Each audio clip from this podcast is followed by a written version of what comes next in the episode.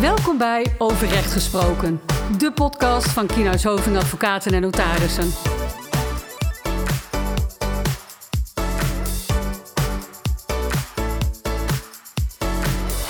Welkom bij een nieuwe podcast. Mijn naam is Astrid Kiewiet, advocaat gezondheidsrecht bij Kienhuis Hoving Advocaten. En tegenover mij zit... Ilse van der Woude, advocaat arbeidsrecht en sociale zekerheidsrecht. Ja, daar zitten we weer. We Ja. mogen weer. Het is een tijdje geleden Ja, inmiddels. we hebben natuurlijk al vaker eh, in deze samenstelling bij samen podcast opgenomen. Eh, allemaal over de zieke werknemer, omdat het natuurlijk een beetje het grensgebied is van eh, wat wij doen in de praktijk. Ehm, en het is leuk om te combineren. Ehm, die andere podcasts die gingen met name hè, over een bepaald onderwerp binnen die zieke werknemer. Waar kun je tegenaan lopen? Wat zien we aan de hand van recente rechtspraak en zo? Maar deze podcast gaan we het eigenlijk gewoon wat algemeen houden. Dus van hè, de werknemer eh, meldt zich ziek. En wat doe je dan als werkgever? Wat, wat, wat komt er op je af? Wat moet je doen? Eh, waar moet je je aan houden? Dus Ja, en ik denk voor werkgever een heel belangrijk onderwerp. Ja. Ook voor werknemer uiteraard. ja, Er komt best wel heel veel op je af. Er zijn heel veel verschillende wetten en beleidsregels. En het UWV toetst natuurlijk eh, na twee jaar ziekte, mocht het zover komen, wat natuurlijk niet, eh, niet de hoop is aan het begin, Nee. dan eh, best wel heel streng. ja, dus ik denk goed om gewoon weer even terug naar de basis te gaan. Wat geldt er nou precies voor die werkgever? En natuurlijk ook een beetje voor die werknemer. Maar de, nou ja, laten we beginnen bij het begin. Want ons rechtssysteem heeft een, eh, kent eigenlijk als volgt dat als een werknemer ziek is, in beginsel 70% van zijn of haar loon gedurende de ja, loondoorbetalingsverplichting van de werkgever kent. Dus wanneer die ziek is. Nou, voor die loondoorbetaling eh, dient de werknemer wel wat te doen. En wat daar de gevolgen van zijn, eh, als bijvoorbeeld de werknemer niet meewerkt in dat kader, nou, dat lichten we toe in een andere podcast die we nog gaan opnemen. Eh, maar ook de werkgever heeft verplichtingen, zoals we net al even bespraken. En eh, samen met de zieke werknemer volgt de werkgever gedurende 104 weken, dus twee jaar, vastgestelde stappen die bijdragen aan de terugkeer naar werk door de werknemer. Nou, die stappen die je volgt, noem je ook wel het reïntegratietraject. En hoe dit reïntegratietraject eruit ziet en welke verplichte stappen door de werkgever genomen moeten worden, dat eh, gaan we dus nu bespreken. Ja, en ook nog in een andere podcast. Ja, klopt. Dus dat eh, luister ook zeker de Ja. andere podcast. Ehm, we houden het voor nu heel algemeen. Mocht eh, je nou nog meer vragen hebben naar aanleiding hiervan, dan zijn er dus nog andere eh, podcasts die je kan luisteren. Of stel ons een vraag. Dat vinden we altijd heel leuk om, om erover Ja, te praten. zeker, dus zeker. niet alleen met z'n tweeën, Nee. maar ook met, Wij met delen jou. graag onze kennis, toch? Ja, zeker. En nou, ik ga dan eh, vast wat vertellen over die wetverbetering Poortwachter. Dat Ja. is de wet waar eh, hoofdzakelijk aan getoetst wordt in dat reïntegratietraject. En in die wetverbetering Poortwachter staat dat de werk, wat de werkgever moet doen op het moment dat een werknemer zich ziek meldt. De werkgever is volledig verantwoordelijk voor de reïntegratie en het, de ziekteverzuimbegeleiding. Dat is een hele, eh, hele lang woord en een hele mond vol. ja. Maar dat is wat die werkgever moet doen. En van die werkgever wordt in het reïntegratietraject verwacht dat ze eh, ja, eigenlijk aanzienlijk meer verwachten dan van de werknemer verwacht wordt. Ja. Die werknemer is natuurlijk ziek, dus het is logisch dat, hij, dat er iets minder druk op gelegd wordt. Maar dat betekent wel dat die werkgever natuurlijk al het mogelijke moet doen om te zorgen dat eh, die werknemer zo snel mogelijk terug kan eh, naar zijn werk. En het doel van die reïntegratie is natuurlijk ook altijd werkhervatting in passend werk. En dat moet eigenlijk zo dicht mogelijk aansluiten bij de functionele mogelijkheden van die werknemer. Ehm, en dat kan zijn eigen werk of aangepast eigen werk of heel ander passend werk in Ja. de reïntegratie. ja, daar gaan we het verder op nog even over hebben, inderdaad. Ja, ja. en dan eh, mocht een werkgever nou niet doen wat hij zou moeten doen, dan kan er een sanctie opgelegd worden door het UWV. En ehm, ook dat lichten we nog in een andere podcast toe. Die eh, podcast zal specifiek gaan over de loonsanctie. Ja, precies. Ja. Ja, en dan is het week 1. En in week 1 gebeurt er natuurlijk eh, heel veel en tegelijkertijd ook nog weer niet zo heel erg. Dat Nee. klinkt wat verwarrend. Maar eigenlijk ehm, in week 1 zal de werknemer zich ziek melden bij de werkgever. En eh, de wetverbetering Poortwachter schrijft voor dat de werkgever bij de ziekteverzuim vanaf de eerste ziektedag van die werknemer begint met actieve reïntegratiebegeleiding. Op dag 1 meldt die werkgever eh, de ziekte van de werknemer bij de arbodienst of de bedrijfsarts. En de werkgever verstrekt aan die bedrijfsarts eigenlijk alle gegevens die nodig zijn ehm, voor die bedrijfsarts om dat ziekteverzuim te kunnen begeleiden en controleren. Uh, mochten jullie nou meer uh, willen weten over die specifieke verplichting, dat staat ook allemaal in de regeling procesgang eerste en tweede ziektejaar. Um, en eventueel uh, moet de werkgever in overleg met die bedrijfsarts dan ook meteen maatregelen treffen om te zorgen dat die werknemer zo snel mogelijk weer terug kan naar de eigen organisatie en terug naar zijn eigen werk. En zolang die werknemer arbeidsongeschikt is en, en nog een arbeidsovereenkomst heeft bij die werkgever, moet ook de werkgever het loon doorbetalen. Ja, en dat loon, ik had het in het begin er al even over van in, uh, in principe is dat 70 of minimaal 70 procent van het bruto loon van de werknemer. Maar in de meeste cao's, en uh, dat kan bijvoorbeeld ook in een personeelsreglement of een huishoudelijk reglement, nou, noem het maar op, kan ook staan dat de werkgever het eerste ziektejaar van de werknemer 100 procent betaalt en het tweede jaar 70%. Dus dat is even afhankelijk van hè, um, wat staat in de arbeidsovereenkomst of een, een, een bijgevoegd uh, reglement of CAO. Nou, dan week 2 gaan we in. Werknemer is nog steeds ziek. Um, ja, wat doe je dan als werkgever? Nou, dan is het goed om contact te onderhouden met de werknemer. En ook te informeren na het herstel van de werknemer. En ontwikkeling en informatie die je dan als werkgever ontvangt, worden vastgelegd en bijgehouden in een verzuimdossier door de werkgever. En mocht de werknemer na twee weken nog steeds volledig arbeidsongeschikt zijn, dan wordt er doorgaans een afspraak met de bedrijfsarts gemaakt. Ja, en na die tweede week zeggen we dus eigenlijk: um, dit is niet meer zomaar een griepje van deze werknemer, maar er is misschien wel iets meer aan de hand. Dus we moeten daar wat, wat dichter op gaan zitten in de begeleiding. En uh, dan gaat eigenlijk het balletje rollen. Um, mocht die werknemer dan eigenlijk in die, in die tussenliggende weken van week 2 tot met week 5 um, ehm, niet meer hersteld raken of gedeeltelijk hersteld raken, dan volgt in week 5 een uh, andere verplichting voor werkgever. Dus als die werknemer in week 5 nog steeds volledig arbeidsongeschikt is of volledig ziek is, dan kan die werkgever een case manager aanstellen die verantwoordelijk wordt voor de reïntegratie en het reïntegratieverslag. Die case manager vormt dan de regie voor alle processen rondom dat ziekteverzuim. Dit kan de leidinggevende in het bedrijf zelf zijn, maar het kan raadzaam zijn als je verwacht dat die werknemer echt langdurig uh, arbeidsongeschikt raakt en de reïntegratie best wel heel veel uh, gaat inhouden, om dat bij de arbodienst te melden en een externe case manager te krijgen. Ja, precies. En dan hebben we het inderdaad over al week vijf van uh, ziekte van de werknemer. Nou ja, mocht daar dan week 6 nog bij aan worden geplakt, de werknemer is nog steeds ziek. Nou, wat is dan de verplichting van de werkgever? Nou, die vraagt bij de bedrijfsarts of inderdaad de arbodienst uh, om een probleemanalyse. En hieruit volgt een reïntegratieadvies voor werkhervatting binnen of buiten de organisatie van de werkgever. Dat is ook wel het eerste of tweede spoor genoemd. En jij noemde dat net al, Ilse, en zal daar straks ook nog wat verder op ingaan van hè, wat houdt dat dan in?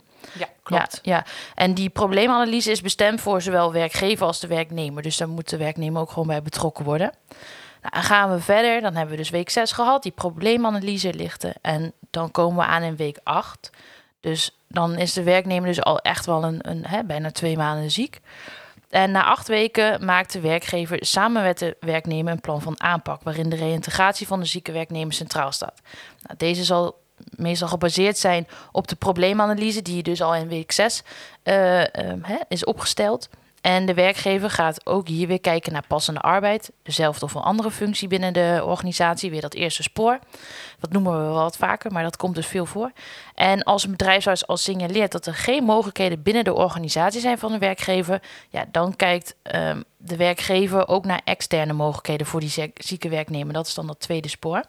Ja, als werkgever moet je dus toezien op deze voortgang, waarbij de hiervoor genoemde case manager, hè, wat jij net zei, Ilse, het plan van aanpak coördineert. Nou, de resultaten van het plan van aanpak moeten vervolgens om de zes weken worden geëvalueerd. En de werkgever blijft verplicht om ook hier weer dat contact te onderhouden met de werknemer. En het kan natuurlijk zo zijn dat uh, de werknemer niet optimaal communiceert richting die werkgever. Maar het is wel echt je plicht als werkgever om het initiatief te nemen en dat contact toch uh, constructief te onderhouden. Dus dat is wel een belangrijk punt. En een, nou ja, wat we hè, in het begin van de podcast zeiden, soms wordt er wat meer van de werkgever verwacht dan van de werknemer. Nou, dit is dus zo'n zo'n punt waarvan je zegt, ja, hier wordt echt van de werkgever verwacht dat hij het initiatief neemt. Ja, inderdaad. En ook daarop voorbeduurd. Het kan dus bijvoorbeeld zijn in de praktijk, en we zien dat wel eens, dat er een plan van aanpak opgesteld moet worden. Dat werknemer daar misschien nog niet helemaal klaar voor is in de praktijk, maar werkgever wel zegt: ja, ik zit met die deadline van het UWV, of ik moet nu eigenlijk die reintegratie opstarten. Um, maar uh, wat doen we dan met dat plan van aanpak als je er niet samen uitkomt? Ofwel werknemer wil helemaal niks, ofwel werknemer wil iets, maar werkgever denkt ja, dat past helemaal niet bij ons bedrijf.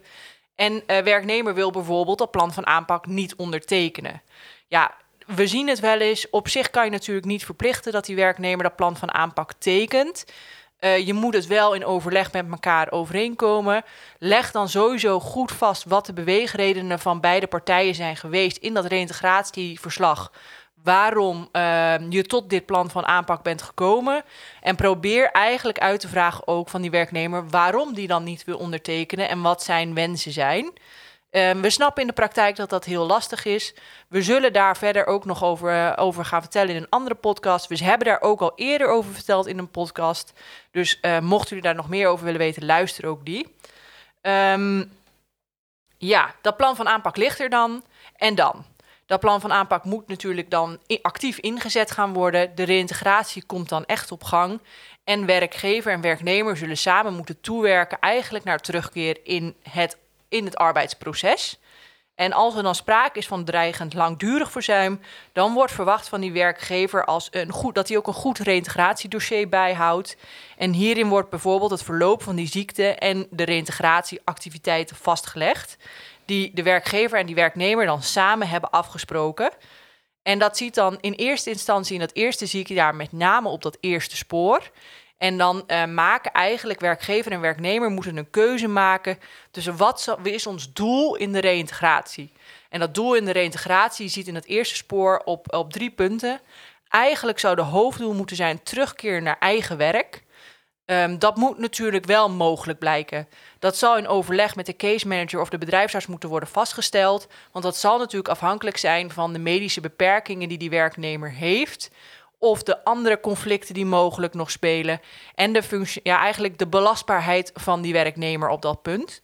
Mocht terugkeer naar eigen werk niet bespreekbaar zijn, of althans niet op dit moment bespreekbaar zijn, dan kan je kijken naar terugkeer in eigen aangepast werk. Dus wel het eigen werk, maar dan misschien met een aantal deeltaken er niet meer in, omdat die op dat moment niet passen binnen de belastbaarheid. En als dat helemaal geen optie is, dan kijk je naar uh, terugkeer in ander werk binnen de organisatie van de werkgever. Ja, dat is dus um, nog steeds dat eerste spoor. Dat hè? is nog ja. steeds allemaal ja. eerste spoor. Ja. En dat terugkeer in, de andere, in dat andere werk, daar zitten wel regels aan. Dat um, komt allemaal terug ook in uh, de ja, wetverbetering poortwachter en de werkwijzer poortwachter. Dus naast de wet heeft het UWV ook een eigen beleidskader opgesteld met hoe gaan wij om met dit reïntegratieverslag en wat vinden wij dat er opgesteld moet worden door die werkgever en die werknemer. En een deel van die terugkeer in ander werk is dan ook een persoonsprofiel van die werknemer en een inventarisatie van de mogelijkheden en de functies binnen de eigen onderneming. Ja, en dat is dan uh, het eerste spoor, we het tweede spoor.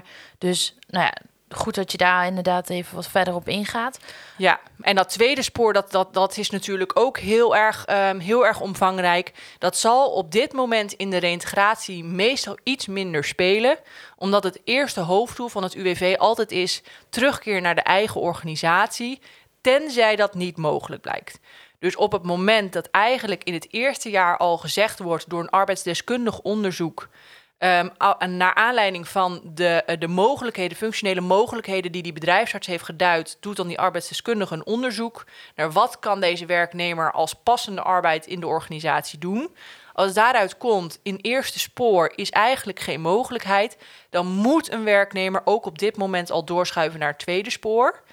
Een werkgever moet altijd doorschuiven naar het tweede spoor op het moment dat het eerste jaar van de ziekte is gepasseerd.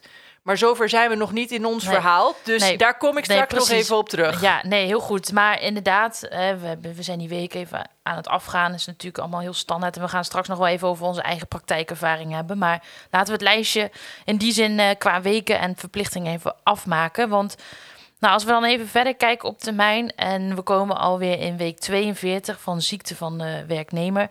Nou, dan moet uiterlijk op de eerste werkdag van week 42 uh, de werkgever het langdurig ziekteverzuim van de werknemer melden bij het UWV. En tijdigheid speelt hier een belangrijke rol bij de beoordeling van het re reïntegratiedossier. Dus dat is wel iets om in de gaten te houden. Ja, zeker. Een hele formele termijn van het UWV. Het UWV zal dat ook strak uh, toetsen. Met name als je inderdaad rondom die via-beoordeling komt en het reïntegratiedossier geheel beoordeeld gaat worden. Dus vergeet dat niet te doen. Um, inhoudelijk in het reïntegratieproces tussen de werkgever en de werknemer natuurlijk iets minder van belang. Want werknemer heeft niet zo heel veel aan dat die melding gedaan wordt op dat moment. Maar het is wel goed dat UWV weet dat deze werknemer echt langdurig ziek is. Um, en ja, dan loopt de reïntegratie eigenlijk door tussen die werkgever en de werknemer. We zitten dan al best wel heel ver gevorderd in dat eerste ziektejaar. En dan op een gegeven moment bereiken we het punt dat dat eerste ziektejaar geëindigd is. Je had natuurlijk gehoopt dan al dat die werknemer terugkomt naar uh, zijn eigen werkplek. De gemiddelde duur van, van ziektes, uh, ziekteperiodes, die, ja, die zit toch wel vaak in dat eerste ziektejaar. Het, je hebt natuurlijk wel situaties dat het uh, nog niet goed genoeg gaat met de werknemer. Dat hij nog steeds arbeidsongeschikt is, hopelijk maar gedeeltelijk. En dat de reïntegratie verder door moet lopen of dat hij iets langer de tijd moet krijgen. En dan um, rondom dat einde van dat eerste ziektejaar, dan zit je in week 52 uiteraard. Dan kijken die werkgever en die werknemer terug op de reïntegratie in dat eerste ziektejaar. En eigenlijk uh, wordt dan de hoofdvraag: ligt de reïntegratie zoals we die opgezet hebben in dat plan van aanpak nog steeds op koers of moeten we die weer bijstellen? Um, op, dat eerste, um, op dat moment vul je ook het formulier eerstejaarsevaluatie van het UWV in. Je kan dat ook uh, buiten dat formulier omdoen, maar het UWV eh, adviseert in dat reintegratieverslag wel echt, vul dat formulier in. Je maakt het jezelf en uh, werknemer ook een stuk makkelijker door dat formulier gewoon aan te houden. Dan weet je zeker dat je niks over het hoofd ziet op dat evaluatiemoment. En um, dat formulier moet dan eigenlijk ook door beide partijen worden ondertekend. Ook gewoon al was het maar om te kijken waar gaan wij als werkgever en werknemer samen heen in die reïntegratie. En op basis van dat eerstejaarsevaluatie is het mogelijk dat dan dat plan van aanpak aangepast moet worden. Um, je kan dan kijken van ja, is er dan uh, nog uh, voldoende arbeidsperspectief voor deze werknemer binnen de eigen organisatie van die werkgever? Dat is natuurlijk altijd het hoofddoel, oftewel het eerste spoor. Maar wanneer er onvoldoende arbeidsperspectief is binnen die organisatie, moet het tweede spoor opgestart worden. En daar zitten best wel wat eisen aan. Want je zegt dan wel, ja, wanneer moet dan dat tweede spoor aan de orde komen? Dat is natuurlijk een vraag die, die best wel eens in de praktijk wat vragen op kan roepen. Dat je zegt, nou, we zijn er bijna uit met werknemer, of hij is bijna helemaal volledig hersteld. Is dat nog wel nodig? Dan, uh, ja, officieel snappen wij natuurlijk in de praktijk dat je daar iets mee wil spelen en dat je zegt, nou, we doen dat niet nu, maar over een maand. Maar het UWV heeft daar best wel hele strakke formele uh, deadlines voor gesteld en termijnen. Want het UWV zegt eigenlijk, zodra er geen zicht meer bestaat op structurele werkhervatting binnen de eigen organisatie, in de functie waarin werknemer dan reïntegreert, moet er een adequaat tweede spoortraject opgestart worden. Om de, eigenlijk die werkhervattingskansen van die werknemer uh, zoveel mogelijk te vergroten. En dan een tweede spoortraject moet uiterlijk binnen zes weken na die eerstejaarsevaluatie worden gestart. Ja, en wanneer kunnen die, dat tweede spoor, wanneer kan dat nou achterwege blijven? Nou, die reïntegratieactiviteiten in dat tweede spoor kunnen alleen achterwege blijven als er binnen drie maanden een concreet uh, perspectief ontstaat op structurele werkervatting bij de eigen werkgever. Dat kan dan in eigen bedongen arbeid zijn. Dat is natuurlijk het meest wenselijk vanuit het UWV en vanuit ja, eigenlijk werkgever en werknemer ook. Um, lukt dat niet, dan kan dat ook in een andere functie zijn, mits dat uh, eigenlijk structureel passend is en ook structureel aangeboden kan worden. Um, en je moet daarbij wel aansluiten bij um, de functionele mogelijkheden van die werknemer. Ja, nou, een goed verhaal, Ilse. Ja, een hele mond vol, heel veel informatie. Uh, ja, nee. Maar het is wel een belangrijk ja, punt. Nee, Vandaar iets langer verhaal. Nee, zeker. En dat is inderdaad dat eikpunt hè, in week 52. En dat je dus bij dat eerste jaar kijkt van, nou, hè, uh, liggen we nog op koers? Um, nou, dan vervolgens gaan we weer wat weken verder. We komen uiteindelijk aan in week 87 van de ziekte van de werknemer. En op dat moment ontvangt uh, de werknemer een via-aanvraagformulier van het UWV. En die moet hij of zij uiterlijk in week 91 weer indienen. Nou, als werkgever draag je zorg voor een accuraat reïntegratieverslag. Dat hebben we al een paar keer genoemd, dat verslag. Dus dat is ook hier weer van belang. En van een, ja, een kopie daarvan verstrekt de werkgever aan de werknemer voor die via-aanvraag. Nou, dan kom je uiteindelijk dus in week 91, waarin dus de werknemer die aanvraag moet hebben ingediend. En de werkgever en de werknemer vullen ook in week 91 dat eindevaluatieformulier in. Dat is ook weer via het UWV eh, bepaald. Ja. in, in week 93 vervolgens zorgt de werkgever ervoor dat de werknemer het gehele verslag, het reïntegratieverslag heeft, om ja, eigenlijk zo weer ja, toe te leven ook weer naar die 104 weken. Ja, ja, en we zitten dan natuurlijk al best wel heel ver in dat tweede jaar. De sprong tussen die week 52 en week 91, die klinkt heel lang. Ja, Die is ook heel lang. In die tussentijd gebeurt natuurlijk het nodige. De koers die eigenlijk vanaf dat eerste ziektejaar ingezet wordt, die, die wordt verder, uh, verder doorgezet door werkgever en werknemer. Maar ja, op het moment dat je zegt, we zitten in week 91 en de reïntegratie heeft nog niet opgeleverd wat we ervan hoopten, namelijk herstel van die, van die werknemer dan, uh, dan kan je niet anders dan toch uh, gaan, verder gaan kijken naar de toekomst. En um, bij 104 weken, dat is na twee jaar arbeidsongeschiktheid van die werknemer, dan komt een nieuw pijlmoment. Dus na die 102 weken stopt officieel de loondoorbetalingsverplichting van die werkgever. En zou die werknemer in aanmerking kunnen komen voor een via. Dat uh, de, ja, de IVIA-aanvraag dien je in bij het UWV. Dus dat zal altijd ter beoordeling zijn van het UWV hoeveel procent uh, arbeidsongeschikt die de werknemer vinden en wat die aan mogelijkheden zien voor passende arbeid of andere functies. Um, over de wijze waarop het UWV daarmee omgaat, dat zullen wij voor nu erbuiten laten. Want dat is een, een heel ander verhaal. Kunnen we nog een podcast over maken. Ja, zeker. Daar valt meer dan genoeg over te vertellen. En daar valt ook uh, een heel andere uh, wijze van, uh, van berekening van de restverdiencapaciteiten natuurlijk. Voor nu denk ik iets minder belangrijk. Voor nu voor werkgever wel belangrijk. Goh, en voor die werknemer ook. Wat gebeurt er dan na die 104 weken? Ja, in de meest gunstige geval um, zal het UWV natuurlijk een via-uitkering aan uh, ja, geven aan die werknemer, waardoor dus um, werknemer meer inkomenszekerheid heeft en hopelijk met werkgever nog kan kijken naar een toekomst binnen de organisatie, dan wel buiten de organisatie bij werkgever. Ja, en wanneer die via-aanvraag is toegekend aan de werknemer, dan kan het zijn dat je zegt. We gaan ook over misschien tot ontslag. Um, ja, want dat opzegverbod bij ziekte, dat geldt dan uh, Ja, de werkgever die heeft die eerste twee jaar van de arbeidsongeschiktheid van de werknemer een opzegverbod tijdens ziekte. Dus um, dan kan er geen ontslag volgen voor die werknemer, want die werknemer moet in alle rust kunnen toewerken aan, aan herstel. Na die twee jaar is er toch echt wel zodanig uh, langdurig verzuim dat, we, dat de wetgever heeft gezegd, nou, werkgever um, kan niet meer alleen die risico's dragen. Dat is niet meer redelijk. We hebben daar een vangnet voor gecreëerd. En bij dat vangnet hoort dus ook dat het opzegverbod tijdens ziekte niet meer geldt. Um, ja, bij onvoldoende van die reïntegratie-inspanningen kan het wel zijn dat dat opzegverbod tijdens ziekte wordt verlengd. Dat, doet het, uh, dat is een indirect gevolg van de loonsanctie van het UWV. Dus het UWV zegt dan werkgever, je hebt niet voldoende gedaan aan de reïntegratie. Ik vind dat jullie nog maximaal 52 weken de reïntegratie verder moeten voortzetten en werknemer de kans moeten bieden om te, volledig te herstellen. En daarbij geldt er ook een verlengde uh, periode van het opzegverbod tijdens ziekte. Um, en ook moet de werkgever dan het loon nog verder doorbetalen.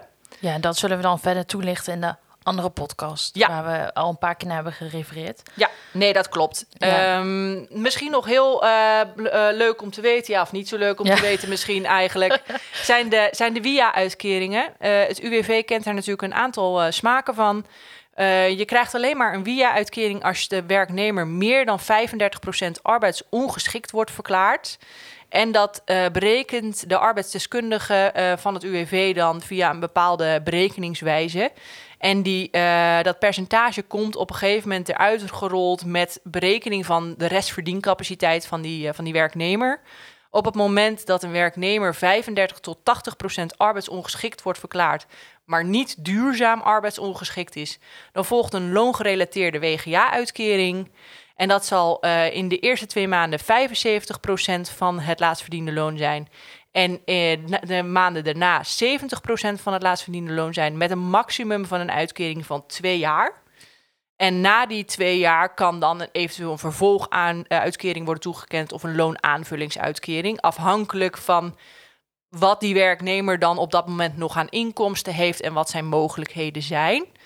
Wordt de werknemer nou na die 104 weken ziekte bij de WIA-aanvraag uh, 80 tot 100 procent arbeidsongeschikt verklaard, dan kennen we nog twee smaken. Dat is ofwel de, uh, de variant dat de werknemer ook duurzaam arbeidsongeschikt is, dan volgt een IVA-uitkering.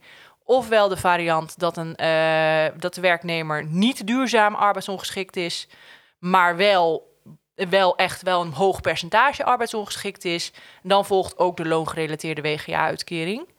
En voor werkgever in dat kader nog misschien relevant dat op het moment dat die IVA-uitkering toegekend wordt, dan hoeven zij daar geen uh, premieheffing over te betalen.